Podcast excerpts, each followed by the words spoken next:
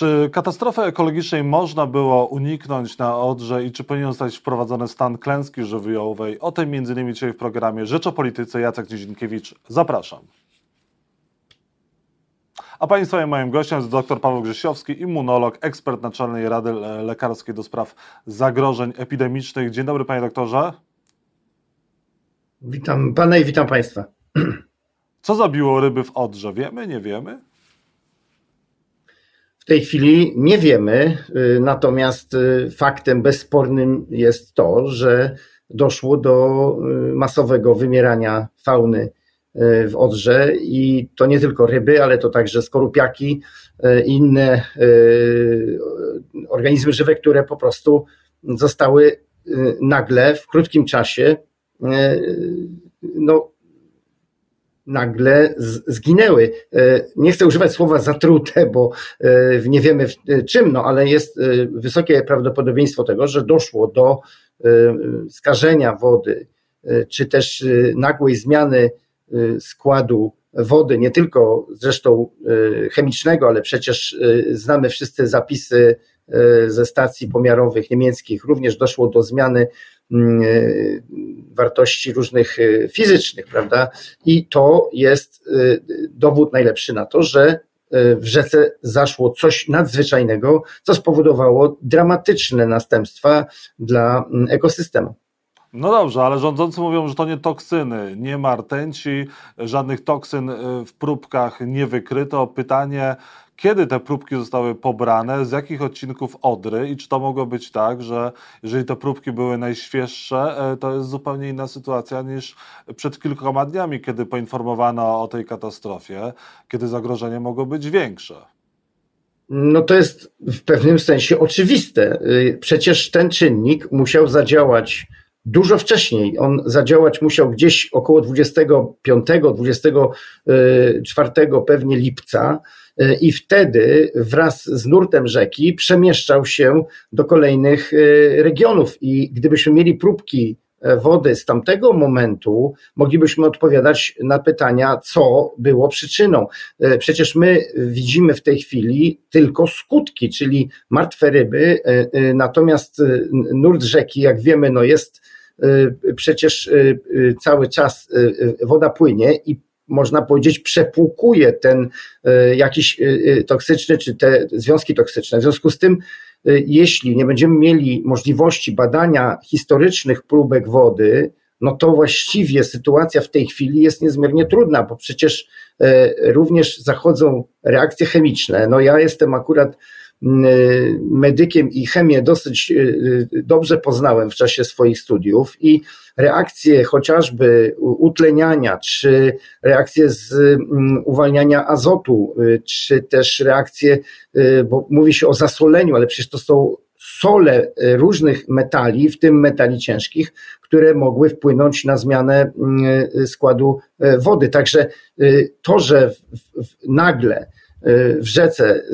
Spadł poziom azotu i wzrósł bardzo poziom tlenu, no powinno być dla wszystkich y, y, y, sygnałem, że doszło do zjawisk, które, które były raczej dziełem człowieka, a nie były zjawiskiem naturalnym, do czego w tej chwili coraz częściej się sięga, że tu żadnej e, e, ludzkiej żadnego ludzkiego błędu nie było, tylko po prostu na skutek zmian klimatycznych Y, ryby zginęły. To jest moim zdaniem ucieczka od y, tematu ścieków przemysłowych, które są permanentnie spuszczane do polskich rzek.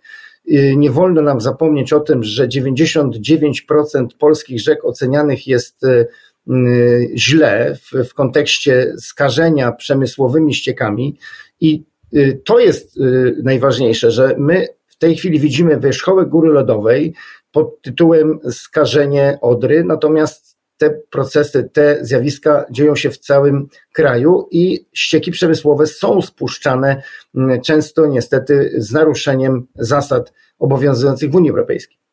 A czy ta rtęć albo toksyny mogły być w Odrze, a one teraz są właśnie wypukiwane, mówiąc wprost, e, dowody są teraz rozmywane?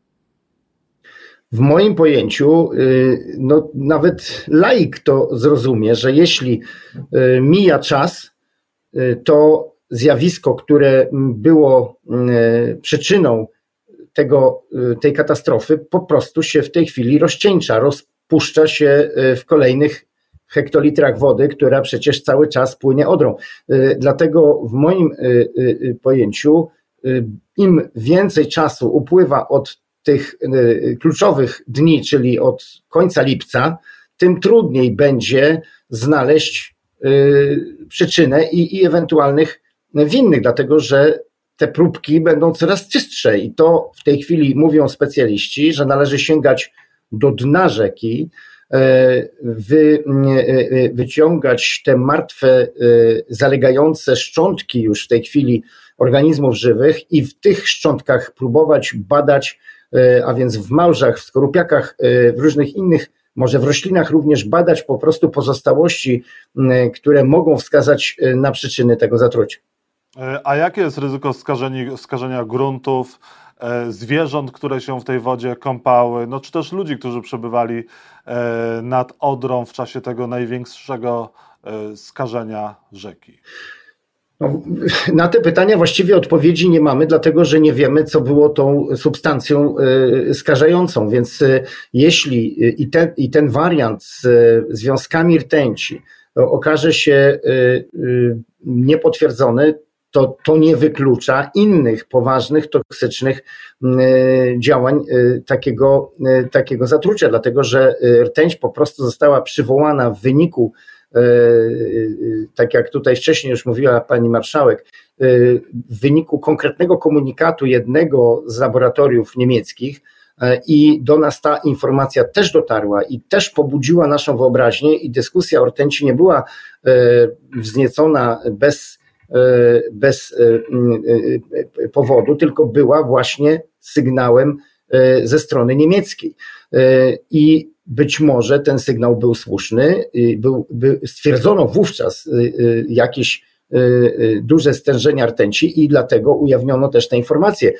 I myślę, że alert, który został ogłoszony po tym fakcie, nawet jeśli okaże się alertem, który był de facto nadmierny ze względu na to, że tej rtęci już później nie było, to mimo wszystko ryzyko kontaktu z rtęcią człowieka i zwierząt jest tak wysokie i zagrożenia są tak poważne, że to jest dostateczny powód, aby zabronić podchodzić y, do y, rzeki y, i to w promieniu kilkuset metrów.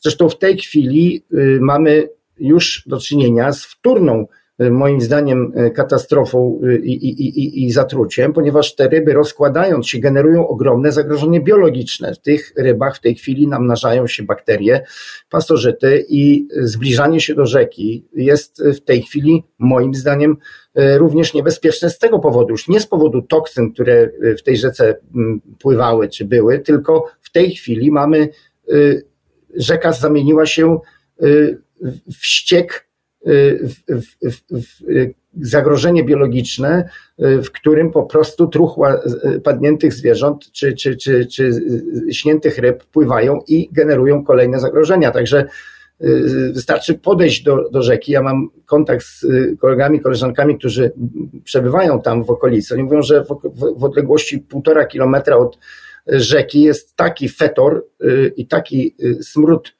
rozkładającego się y, y, materiału biologicznego, że właściwie podchodzenie do tej wody już z samego powodu tego smrodu jest y, niebezpieczne. Czy stan klęski żywiołowej powinien być wprowadzony? Ja nie mam żadnych wątpliwości, że to powinna być decyzja podjęta jeszcze pewnie z końcem lipca czy na początku sierpnia. Ja nie jestem prawnikiem, a więc ja patrzę tylko na e, tę stronę zdrowia publicznego. Y, po to jest właśnie ten przepis o e, klęsce żywiołowej, aby uruchomić nadzwyczajne mechanizmy ratowania y, i zabezpieczania czy to regionu, czy ludzi przed, przed dalszymi zagrożeniami. I to nie zostało moim zdaniem wykorzystane. Stan klęski żywiołowej daje szansę skoordynowanego nadzoru y, i y, y, natychmiastowego wdrożenia nadzwyczajnych rozwiązań, także uruchamia określone środki, które pozwalają na walkę z zagrożeniem. Także jeżeli klęską żywiołową, nie wiem, nazywamy powódź czy huragan, to, to przecież tak drastyczne skażenie ekosystemu też wypełnia te kryteria. Jeżeli chodzi o skażenie ekosystemu, czy Bałtyk może być również skażony? No, to nie są pytania tak do końca y, do mnie, bo ja nie jestem y, znawcą y, hydrologii i, i, i, mogę tylko cytować to, co mówią specjaliści.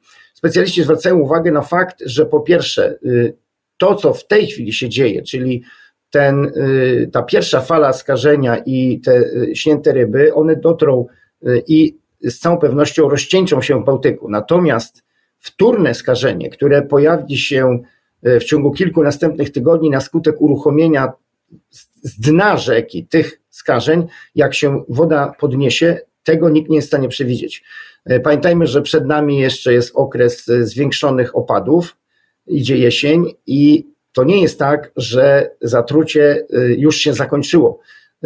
Te wszystkie mikroorganizmy i makroorganizmy, które zalegają na dnie rzeki, z większym prądem zostaną uruchomione, wypłukane i być może wtedy dojdzie do poważniejszych zagrożeń. Chociaż tutaj y, y, y, fachowcy mówią, że Zalew Szczeciński jest taką naturalną, można powiedzieć, takim naturalnym zbiornikiem retencyjnym, ponieważ zanim woda wpadnie do, do Bałtyku, właśnie przez Zalew Szczeciński przepływa i tam będzie prawdopodobnie kumulacja tych skażeń. Doktor Paweł Grzesiowski był Państwa i moim gościem. Bardzo dziękuję za rozmowę. Ja również dziękuję.